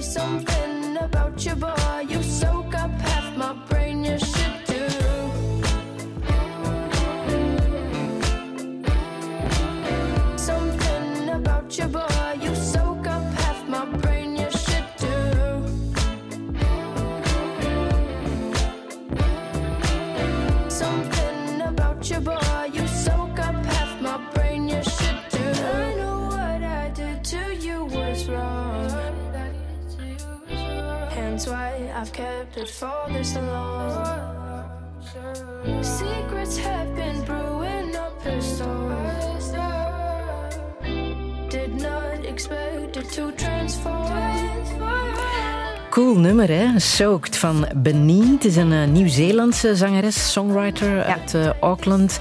En jij kende die al, Christina de Witte, voor ze wereldberoemd werd. Voor dat ze beroemd werd op TikTok. Ja, ja. Ja. Ehm, en hoe heb je ze leren kennen dan? Ja, heel grappig. Ik was ehm, alleen in Thailand. Eh, al mijn verhalen gaan rond Thailand. Maar de, ja. En ik was juist vers uit een, uit een break-up. En dat was een, een hele fundamentele relatie voor mij. Dat was mijn eerste liefde. Ehm, we zijn langer dan zes jaar samen geweest. Dat was heel tekenend voor mij. Maar ik zat er dan een maand alleen in Bangkok. En ik heb dit, dit lied specifiek grijs gedraaid. Echt waar. Non-stop. Dat was echt mijn comfort song, zeg maar. Ja. Maar die lyrics, die, die, die hitten de spot. Eh, En dat deuntje, ah, ja. ja. En kan, je, kan je uitleggen op welke manier die lyrics jou raakten? Ik denk ook omdat Beni zelf een heel jong persoon is, kan ze die woorden die dat, ja, die, die, dat, die dat zij ongetwijfeld ook heeft meegemaakt, die gevoelens daar rond, ehm, kan zij zo mooi en zo accuraat verwoorden, die gevoelens, dat, dat ik soms denk, dat, ik, dat, is, dat wat ik hoop dat ik ook doe met mijn cartoons. Dat, want het is maar beperkt, hè. je hebt maar twee, drie minuten in een song. Net zoals je in tekst en beeld ook maar zes of zeven slides hebt, maximum, soms maar vier. Ehm, en, toch, en toch raakt me dat zo hard. Ik kan dat eigenlijk niet beter uitleggen dan dat. Heeft die breuk met jouw vriendje op een of andere manier ook geholpen om dichter bij jezelf te komen, dichter bij jouw genderidentiteit te komen? Ehm, die breuk specifiek niet per se, eh, omdat ik was gewoon echt nog heel jong en wij wouden alle twee andere dingen. Ik wou mij focussen op mijn carrière. Hij wou zich focussen op zijn studentenleven. All good. We zijn in vriendschap uit elkaar gegaan. Dat is nog altijd een persoon waarvan ik denk, dat, dat is echt een supergoed persoon. Ehm, maar het is nu, de laatste vijf jaar, dat ik daar mee worstel. Ik, zeg vaak, de eerste vijf jaar van mijn twintiger zijn heel hard gewijd aan mijn roots en, land van herkomst en, en dat deeltje van mijn identiteit. En dan nu voel ik dat ik de laatste, vooral twee jaar dan, want ik ben 27 nu, gewijd zijn of zullen zijn aan dat deeltje van mijn identiteit. En ik denk dat ik het zou omschrijven als een tsunami, maar die is nog in de verte. Dus die, is, die komt op mij af en ik zie dat die op mij afkomt en ik kan niet bewegen. Ik sta gewoon stil. I'm freezing. En wat dat die gaat doen, die tsunami, die golf met mij, dat weet ik niet. Gaat hij mij meenemen? Ga ik blijven staan? Dat weet ik niet. Dus dat is de bottom line. Ik weet het niet. Maar je ziet die tsunami wel komen. Ja, ik voel dat. Wat is de aanleiding geweest om die te voelen? Ehm, eigenlijk is er geen specifieke aanleiding. Ik heb dat altijd wel een beetje gehad in mij. Zo die knoop in mijn maag als ik nadacht over bijvoorbeeld de toekomst of hoe dat ik mij voelde jegens mensen, dus tegenover mensen. En ik heb eigenlijk altijd al geweten dat ik niet alleen aangetrokken was tot jongens of mannen, maar wat dan wel. Dat wist ik niet. En eigenlijk nog altijd niet. Dat is echt... Ik, ik, ik ben wat wij noemen baby gay. Uh, dus echt zo heel... Ja, aan het begin van die zoektocht. Maar ik vind het wel super, super exciting en leuk om daarover te praten. Want hoe meer dat ik daarover praat, hoe meer dat ik dat normaliseer voor mezelf. En hopelijk dat ik dat dan ook normaliseer voor andere jonge babygays. Die dat helemaal nog niet weten waar ze staan in die journey. En ik vind mezelf eigenlijk nog best relatief jong. Want er zijn mensen in mijn omgeving die pas op veel latere leeftijd um, aan zichzelf durven toegeven van... Hmm, misschien ben ik toch niet hetero. Uh, en, en ja, ik vind dat wel echt een, een, een mooie aanvulling op, op hetgeen waar ik al mee aan het worstelen was of zo. Ik heb zoiets van, kom, het mag er nog bij. Identiteitscrisis part 2. ja. Maar je hebt een vriend nu. Ja, ja, ja, ja. ja, ja. Praat je daar ook met hem? Ja, absoluut. Ik vind dat, ik vind dat kei belangrijk. Tuurlijk, hij wist dat ook. Hè. Al, al, allee, hij wist dat al, al kei lang. Um, en ik vind dat net zo mooi. Ik denk zelfs dat ik het pas echt zo heb durven toegeven of, of omarmen. Allee, en nog aan het omarmen ben. Door hem. Omdat, en dat vind ik net zo heel mooi aan de relatie dat wij hebben. Hij accepteert mij voor wie dat ik ben onvoorwaardelijk. En dat vind ik zo cool, want dat had twee kanten kunnen uitgaan natuurlijk. En beide zijn valid natuurlijk. Ik zou perfect gesnapt hebben dat hij zoiets heeft van... Oh, uh, oké, ik weet toch niet of ik mij daar comfortabel bij voel, uh, bij dat idee alleen. Maar hij staat zo zelfzeker in, in, allez, in ons eigenlijk, dat dat dat juist kan. En ik, vind dat, ik, ik wens iedereen dat toe. Mm, want je hebt hem ook ten huwelijk gevraagd. Ja, bijna twee jaar geleden. Ja, dat heb jij gedaan. Ja, ja, ik heb dat gedaan. Met een comic. Mm -hmm. En hij heeft ja gezegd. ja, vind ik wel belangrijk. maar dat is ook al iets wat aan het veranderen is, hè? Heel, heel erg lang geleden waren dat alleen de mannen hè, die dat vroeger ja, hadden. Maar, wel, maar dus, ik heb wel gevraagd aan um, ja, misschien een beetje context. Mijn, mijn uh, partner is uh, van Egyptische afkomst. Dus ik moest wel even vragen, wordt dat gedaan? Allee, is, dat, is dat wel een ding? En dus ik heb dat eerst aan zijn zussen gevraagd. Ik zeg van, zou dat, zou dat mogen als ik zijn hand vraag? Of is dat raar? En zij zeiden van, maar nee, de vrouw van de profeet heeft ook hem ten huwelijk gevraagd of zoiets. En ik was echt zo van, wow, really? Dat is zo badass. En het, dus naast het feit dat ik hem heb gevraagd, vind ik het ook gewoon super leuk en interessant dat dat, zeker in onze generatie, niet, niet meer moet. Dat moet niet of zo. Je moet niet trouwen voor whatever reason, maar het is echt van willen. Je kiest daarvoor. En, en dat vind ik net zo leuk. Dat vind ik net zo cool. Want het is een keuze. En dat maakt het wel anders. Dat is een nuance, vind ik. Is dit jouw quarter-life crisis, denk ben, je? Ja. Ik heb... Um, ik, ik kan niet wachten om dertig te zijn. ja. Omdat ik denk dat... En dat is misschien gewoon in mijn hoofd, maar ik denk dat vanaf mijn dertig... Of misschien is dat gewoon een illusie. Dat ik alles ineens op een rijtje ga hebben. Dat terug gaat zijn alsof ik in mijn twintiger jaren treed, maar dan met meer geld. Dat is wat dat ze allemaal zeggen, alle dertigers. Dus ik hoop dat, dat dat moment daar gaat komen dat ik gewoon vr- allee, innerlijke vrede kan hebben. Dat die storm in mij, die knoop die ik in mijn buik heb, dat die eindelijk kan ontrafelen. En ehm, ik vergelijk dat een beetje met zo dat spelletje eh, Exploding Kittens, waarbij je zo de drie eerste toekomstkaarten kunt zien. Ik wou zo graag dat ik de drie toekomende jaren even zo kon, kon zien, om te zien, komt het goed? Ehm, maar helaas kan dat niet, want niemand heeft een glazen bol. Maar ik ga ervan uit en ik vertrouw erop. Ik vertrouw mezelf en ik vertrouw het universum dat het hoe dan ook allemaal wel goed gaat komen met mij. Heel veel jongeren vertrouwen op jouw boeken en halen heel veel wijsheid uit jouw comics. Ja. Maar welke comics heb jij gelezen om eh, informatie uit te halen, om, om dingen bij te leren, om inzicht te krijgen? Welke hebben geholpen? Dat is een goede vraag, want ik ben eigenlijk pas echt comics beginnen lezen op een, op een redelijk late leeftijd. Ik, ik zou willen zeggen, nog maar eigenlijk een paar jaar geleden, dat ik echt into graphic novels ben en echt zo ehm, zeker ook ja, leerrijke graphic novels ben. Maar eentje waar ik nu aan het lezen ben, dat mij heel veel heeft bijgedragen, is Hidden Systems. Ehm, en dat is, dat, is, dat is dus ook een beeldroman. Het is echt een beeldroman, maar dat gaat over alle verborgen systemen in de wereld. Dingen waarvan wij als vanzelfsprekend aanschouwen. Licht, elektriciteit, internet, water. Dat komt allemaal maar uit, uit de kraan en uit de lichtknoppen hier bij ons. Maar dat is eigenlijk niet zo vanzelfsprekend. En daar zit eigenlijk een heel lang, vaak ook koloniaal verleden achter. En dat is zo interessant, maar ik heb dat nodig om dat zo te lezen, want een, als, moest het een gewoon boek zijn, zou het er bij mij niet in geraken. Ehm, maar het zijn, dit, het zijn dat soort graphic novels. En ook eh, This One Summer van de nichtjes Tamaki.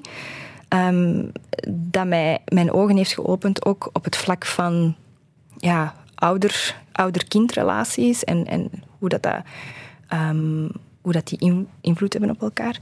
En dat was eentje dat ik toevallig ook in Thailand heb gelezen. Ik heb die meegenomen daar, maar die heeft mij zo diep geraakt. En dan nog een laatste graphic novel dat, ik, dat, dat mij ook ehm, ja, gebroken en geheeld heeft tegelijkertijd, is The Best We Could Do. En dat gaat over de American Vietnamese Experience. Dus mensen die massaal hè, vanuit Vietnam met de boot naar Amerika zijn gegaan om hè, de Vietnam War te ontvluchten. Amai, dat, ik denk daar soms gewoon wekelijks aan. Dat is echt mijn Roman Empire, dat boek. Dat is, ehm, dat is zo, zo, zo pijnlijk en traumatisch ook. Maar zo schoon. Dus dat zijn wel drie boeken momenteel waarvan ik denk, als je into graphic novels bent, moet je die wel lezen. Don't, play with her, don't be dishonest. Ay. Still not understanding this logic. Hey, I'm back and I'm better. I'm better. I want you bad as ever. Don't let me just let up. I wanna give you better. Baby, it's whatever. Somebody gotta step up on that. Somebody saw next up. Be damn if I let them catch up. It's easy to see that you're fitter. I am on a whole nother level. Girl, he only you over cause you let him. Girl, I guess he didn't know any better. Girl, that man didn't show any ever. Do all I can just to show you you're special. Certain it's your love that holds me together. Lately, you say he been killing the vibe. Gotta be sick of this guy. Pull up skirt, get in the right. Left hand is steering, the other is gripping your thigh. Light up a spliff and get high. Shout it, you deserve what you've been missing. Looking at you, I'm thinking he must be tripping. Play this song for him, tell him just listen. Switching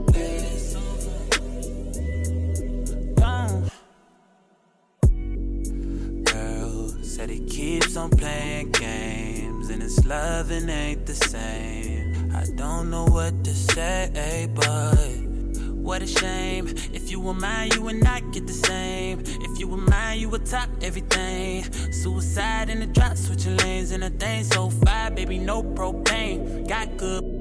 Girl, can I be framed? Keep it 100, girl, I ain't no saint. But he the only reason that I'm feeling this way. Giving you the word, baby. When you get space, pen gang, give me lay, baby. Let's penetrate. Oh, baby.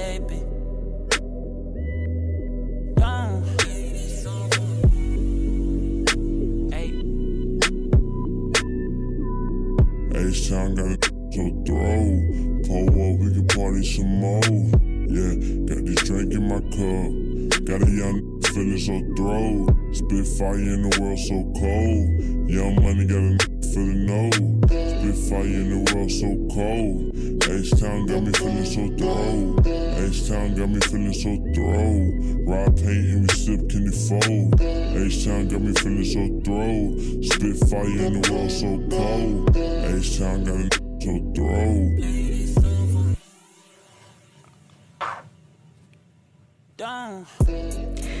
Don't van Bryson Tiller, Amerikaanse zanger, songwriter en rapper. Het is blijkbaar de clean versie, Christina. Ja. Dat had jij meteen gehoord, hè? Ja, want hij, hij zei pie terwijl hij pussy wou zeggen. En toen viel me dat wel op. Het is niet bewust hoor, het is toevallig de clean versie. Oké. Maar waaraan moet jij denken als dit nummer speelt? Dit nummer, oh, en heel zijn album eigenlijk, eh, doet mij denken aan mijn periode na mijn breuk, waar we het net over hadden. Eh, dat is zo, het is echt zo heel melancholische muziek en zo over zo heartbreak ook effectief, maar ook zo dat je eruit ehm, transformeert. Dus dat je eigenlijk ja, een beetje in je villain era, wat wij noemen, zo eh, op revenge gaat, maar dat je dan gewoon zo herrijst uit de assen als een nieuw persoon. Daar komt het op neer, ja. Heb je, vond je het fijn om single te zijn? Ja en nee. Ehm, ik vond dat vooral heel verwarrend. Eh, omdat ik juist uit een lange relatie kwam en ik had helemaal geen idee hoe dat mensen daten. Nog altijd niet trouwens, gelukkig moet ik dat niet doen. Maar wow, dat is echt heel moeilijk. Chapeau aan alle mensen die eh, daar nu mee worstelen. Maar ehm, ja, dus daarom vond ik dat niet leuk. En wel leuk omdat ik gewoon heel graag op mezelf ben. Ook. Ja. Mm, Maar voor jou is een relatie wel een must. Want veel Eh, mensen... Een romantische of een. eh, want Ja. ik, vind, ik vind niet persoonlijk dat ehm, een romantische relatie boven andere relaties staat, bijvoorbeeld. Ik vind eh, platonische relaties met vrienden en andere soorten vormen van partnerschap minstens even belangrijk als romantische relaties. Maar jij noemt je vriendschappen platonisch. Moet het zo ver gaan om echt bevriend te zijn met jou? Nee, nee, nee. nee. Platonisch. Ik bedoel daarmee gewoon dat wij geen ja, romantische interacties hebben. Maar zelfs dat is, kun je kapot nuanceren. Hè? Dat is, tot waar gaat romantiek? Of waar begint romantiek? En dat zijn dingen waar dat ik eh, mij dagelijks alleen mee bezig hou. Niet actief in mijn hoofd of zo, maar gewoon in de dynamieken die ik heb. En ik vind dat super interessant om te zien ehm, hoe dat mijn vriendschappen over het laatste jaar of het laatste anderhalve jaar zijn ontwikkeld. Ehm, ook omdat ik in een totaal andere mindset ben dan, dan twee jaar geleden. En ja, ik vind dat wel schoon. schoon En hoe dan? Hoe zijn die vriendschappen veranderd dan? Want je Ehm, bent bijvoorbeeld verhuisd van Mechelen naar Antwerpen. Hè? Klopt. Dat is een van de vele dingen die in jouw quarterlife crisis zijn gebeurd. Ook al, ja. De verhuis. De verhuis. En dat brengt ja. wel wat met zich mee natuurlijk. Ja, want ik aanschouw, ik aanschouw die verhuis als ehm, een, een metafoor voor eh, het afscheid van mijn oude leven in Mechelen. En dat, je kunt dat bijna letterlijk nemen, dat vanaf dat ik in Antwerpen ben beginnen wonen, ben komen wonen, een totaal nieuwe plek voor mij. Ik heb nooit ergens anders gewoond. Voelde ik mij minder, eh, hoe zal ik het zeggen, raar of zo? Nee, er waren net zoveel mensen zoals ik. Eh, Dat, is, dat komt ook natuurlijk met een veel grotere stad, uiteraard. Ehm, in Brussel was dat ook. Ik heb in Brussel gestudeerd. Ehm, daar ook vrienden voor het leven gemaakt. In mijn ja, volwassener leven, zeg maar.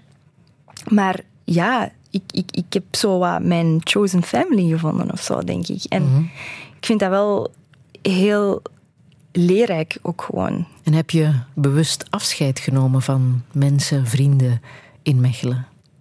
Soms bewust, soms eh, onbewust of eh, onuitgesproken.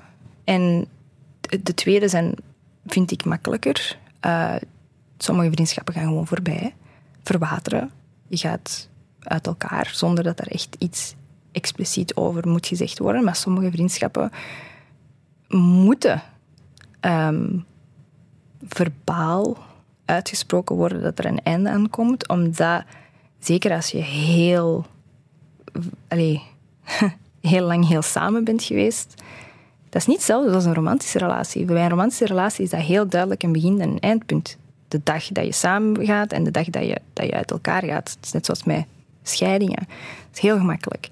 Maar wat ik een beetje mis in vriendschappen, is daar ook een terminologie of zo voor, of, of gewoon een bepaalde woordenschat om diezelfde gevoelens te verwoorden. En ik, ik, ik, ik heb daar een paar gesprekken mee gehad, over gehad bedoel ik, sorry, met een paar psychologen, met, ook met een rouwpsycholoog bijvoorbeeld, omdat er, er is heel veel discussie of het, of het echt rouw is of niet, maar ik denk dat het wel misschien op een lager schapje in die, cate- in die categorie kan vallen, omdat je echt wel ja, afscheid moet nemen van sommige mensen en ook de persoon die jij was in die relatie. En ik, ik, ik vind dat het moeilijkste, maar ook het, het belangrijkste dat ik ooit voor mezelf heb gedaan. Mhm. Ja. Hoe lang ga je al naar de psycholoog? Al heel lang. Al heel lang, ja. Ik, ik kan niet exact pinpointen wanneer ik voor de eerste keer ben geweest, maar ik, was wel, ik woonde nog in Mechelen. Ja. Wist je voor jezelf, dit kan mij helpen? Heb je zelf die stap gezet? Ah, helemaal zelf. Ik heb die helemaal zelf gezet en ik ben heel blij dat ik dat heb gedaan, want het was vooral om die eh, moeilijke dingen uit mijn jeugd te verwerken of een plaats te kunnen geven. Om die allemaal op een rijtje te kunnen krijgen en zo met een persoon die dat niet mijn leven kende. Dat was heel belangrijk voor mij. Daarna is die psycholoog zelf weggegaan. Dus ik was van, jij ook al? Nee, nee. Eh, en ehm, jaren later ben ik eh, terug in therapie gegaan, omdat ik daar echt nood aan had. Ik had meer nood aan professionele begeleiding voor het afwerken van mijn boek. Omdat ik voelde dat ik terug dat kleine meisje was en terug die oude wondes eh, aan het openrijten was. En ik had daar toch echt wel beetje meer begeleiding bij nodig. Ik, ik, voelde, ik voelde dat fysiek ook. De eerste keer dat ik dus de man van mijn mama moest tekenen, voelde ik echt een grote blokkade. Ik, ik, ik vertikte het, bij wijze van spreken, om hem te tekenen. En dus ik had effectief wel hulp nodig daarbij, om daar mentaal over te geraken. En wat heeft jou dan concreet geholpen? Wat heeft Ehm, jou sterker gemaakt? Eh, zij, dus mijn psycholoog, ehm, heeft mij de nodige tools gegeven om ehm, die oude trauma's ehm, daar opnieuw mee aan de slag te gaan in mijn volwassen leven. Dat, dat is anders dan als je ze juist hebt beleefd. Want uiteindelijk, er is niks gebeurd niet meer hè, de afgelopen tien jaar of zo. Maar toch zit dat nog altijd in mij. En dat uit zich in bijvoorbeeld die netelroos waar ik het eerder over had. Dat is allemaal verbonden met elkaar. En ik denk sowieso dat mentale gezondheid en fysieke gezondheid hand in hand gaan. Dus gewicht heffen, allemaal goed en wel, maar die, dat mentale aspect is minstens zo belangrijk. Ehm, veel praten met haar, dat helpt. Mhm. Ja. Wat voor leven wil jij? Wil jij een gezin, kinderen? Nee. Hoe, hoe kijk jij naar wat nog moet komen? Nee, dat zijn Nog drie kwart te gaan, hè? Je hebt nog maar een kwartje achter de rug. Soms als alles goed gaat. Ja? Ik moet dit nog drie keer doen. Allee, of toch zeker twee keer. Ja. En dan, dan denk ik zo, goh, moet ik dat nog eens doen? Nog al deze, nog eens opnieuw en opnieuw en opnieuw. En er komen nieuwe problemen bij. Hè. Ehm, en nieuwe hardships. En, en ja, ik, En hoe doe je dat met energie en zonder te zuchten? Hmm. Ik wil eigenlijk, als je aan mij vraagt wat voor een leven wil jij, wil ik eigenlijk een heel gewoon middelmatig leven. Dat is wat ik wil. Maar ik, ik weet dat ik nu, zeker met de job die ik nu heb, hè, dat, is een, dat is een artistieke job, dat is niet zo heel makkelijk en dat is ook zeker niet zo heel makkelijk om daar veel geld mee te verdienen of genoeg geld mee te verdienen. Want lukt dat bijvoorbeeld? Hoe zit het financieel? Moeilijk. Hm? Ja, en daar ga ik ook gewoon heel eerlijk in zijn. Ik heb een heel zwaar financieel jaar achter de rug, want ik heb heel veel problemen gehad met mijn bedrijf en met mijn boekhouder. En, allee, ik heb echt wel wat verlies gedraaid. Ehm, ik, ben daar, ik, heb, ik heb daar ook genoeg over gerant tegen mijn psycholoog. En ik heb nu dat min of meer uit mijn handen gelaten. Mijn nieuwe boekhouder is geweldig. Ehm, maar los daarvan, ik zie niet ehm, mezelf eh, misschien wel, hè, ik zie mezelf dit niet nog 75 jaar doen. Dus ik hoop dat ik gewoon nu dat wel kan blijven doen En dat ik met de leerschool waar ik nu in zit, being a cartoonist, dat ik daar later andere dingen mee kan doen. Wat, dat weet ik niet. Ik laat alles op mij afkomen zoals die tsunami in de verte. Mhm. Ja. Het is beter om een quarterlife crisis te hebben dan een midlife crisis, denk ik dan. Hmm. Maar, Wat denk jij? maar ook dat zou ik met open armen ontvangen. ja, Dat zit er dan misschien nog aan te komen. misschien wel. Ja.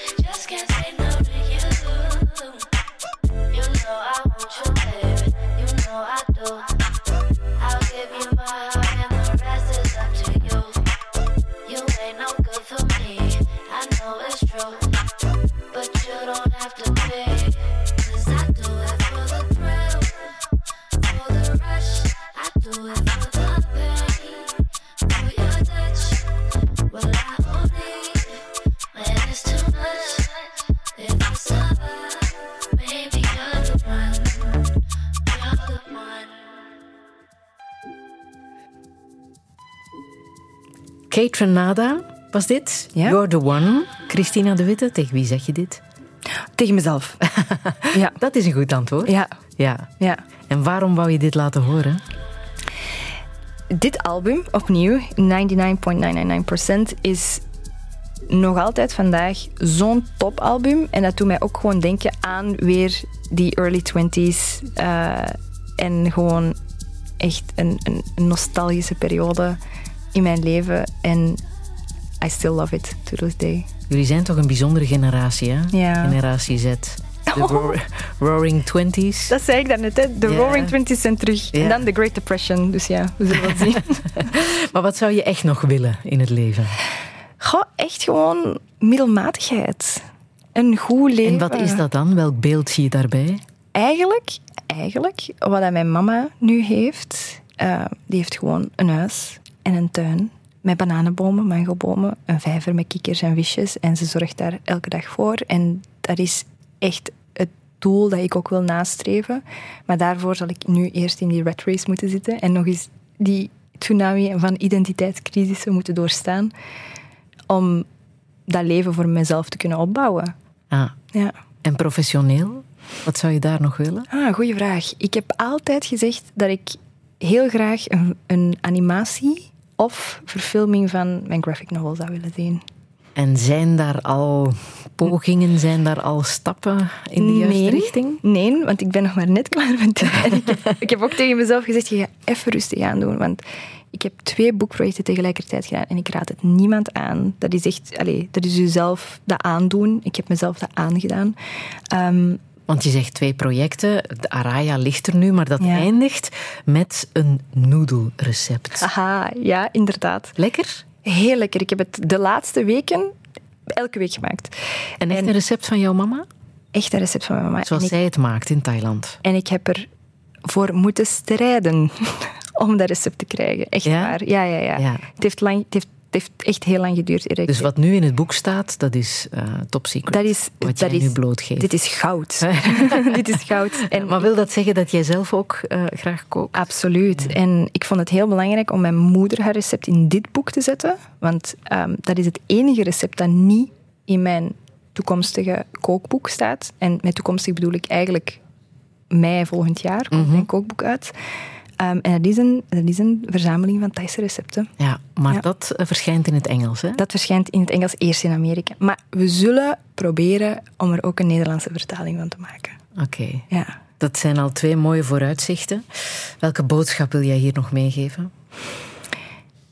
Omarm die tsunami. Loop er niet van weg, want dat heeft geen zin. Het gaat u vangen, of dat je dat nu wilt of niet. Ik denk hierbij aan het liedje van Natasha Bedingfield, zo Pocket Full of Sunshine, dat hij zo zegt, take me away. Zo, zo, dat beeld heb ik voor mij. Misschien moet ik daar een comic over maken. Maar don't resist. Go with the flow. Nu spreek je tegen jouw generatie, maar gaat dit ook op Absoluut. voor mensen die een pak ouder zijn? Absoluut. Ja? Ja, misschien meer dan ooit. Ja, als er iets is dat je al zo lang wakker houdt of tegenhoudt, geef het misschien eens een kans om het helemaal anders te doen. Wie weet wat er allemaal uitkomt. Het kan, altijd. Tuurlijk wel. Ja. Je hebt nog één heel bijzonder nummer. Ehm, ik weet niet of ik het goed uitspreek hoor. Chow Iwan Ah, ja. Damnoen met Lam Toi Chow Iwan. Ja, dat is eigenlijk wat ik nog, zelf nog maar recent heb ontdekt. Ja. Heel grappig, bij mijn kapper, nota bene. Ehm, die zette ineens zo'n een jazzalbum op van verschillende Thaise artiesten in de jaren 70. En dat was zo'n leuk album. En dit is daar één nummer van. En weet je waarover ze zingen? Nee, absoluut niet. Want, want het is in een heel zwaar dialect. Het is, een heel, het is Izaan. En dat is, eigenlijk, dat is eigenlijk een taal apart. Dat is de taal van mijn moeder ook. Dat is waar dat zij vandaan komt. Dat is de Izaan region. Dat is eigenlijk heel oud. En dat, je, kunt dat, kunt dat niet vergelijken eigenlijk. Een soort dialect? Ja, een zwaar, dialect? zwaar, zwaar dialect. Ja. Ja. En het feit dat jouw kapper dat draait. Dat was geweldig. Ik vond dat iconic. Ja, dat was heel nice. En ik zeg, maar lees en nu thuis, want ik versta het niet. En zij zei, ah ja, je moet maar eens zien. Ik zeg, wat een ontdekking. Dat, dat, dat album is het album dat ik heb grijs gedraaid deze zomer, terwijl ik Araya aan het afwerken was. Ja. Thaise kapper? Belgische kapper. Ah. Ja, niet verrassend, hè? Ja.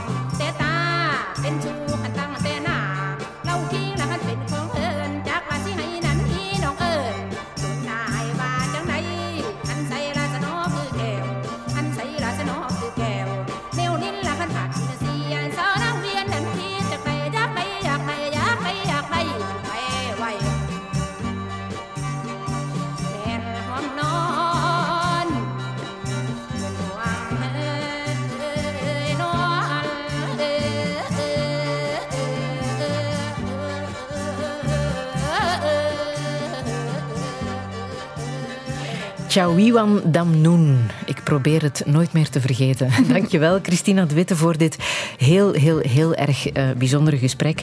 Volgende week uh, vertelt de auteur Jan van Toortelboom wat hem raakt in het leven. Dat is de winnaar van de Boekenbon Literatuurprijs. Heeft Mauk geschreven. Ik wens je nog een fijne zondag. Heb je iets gemist? Je kan Touché herbeluisteren in de app van VRT Max.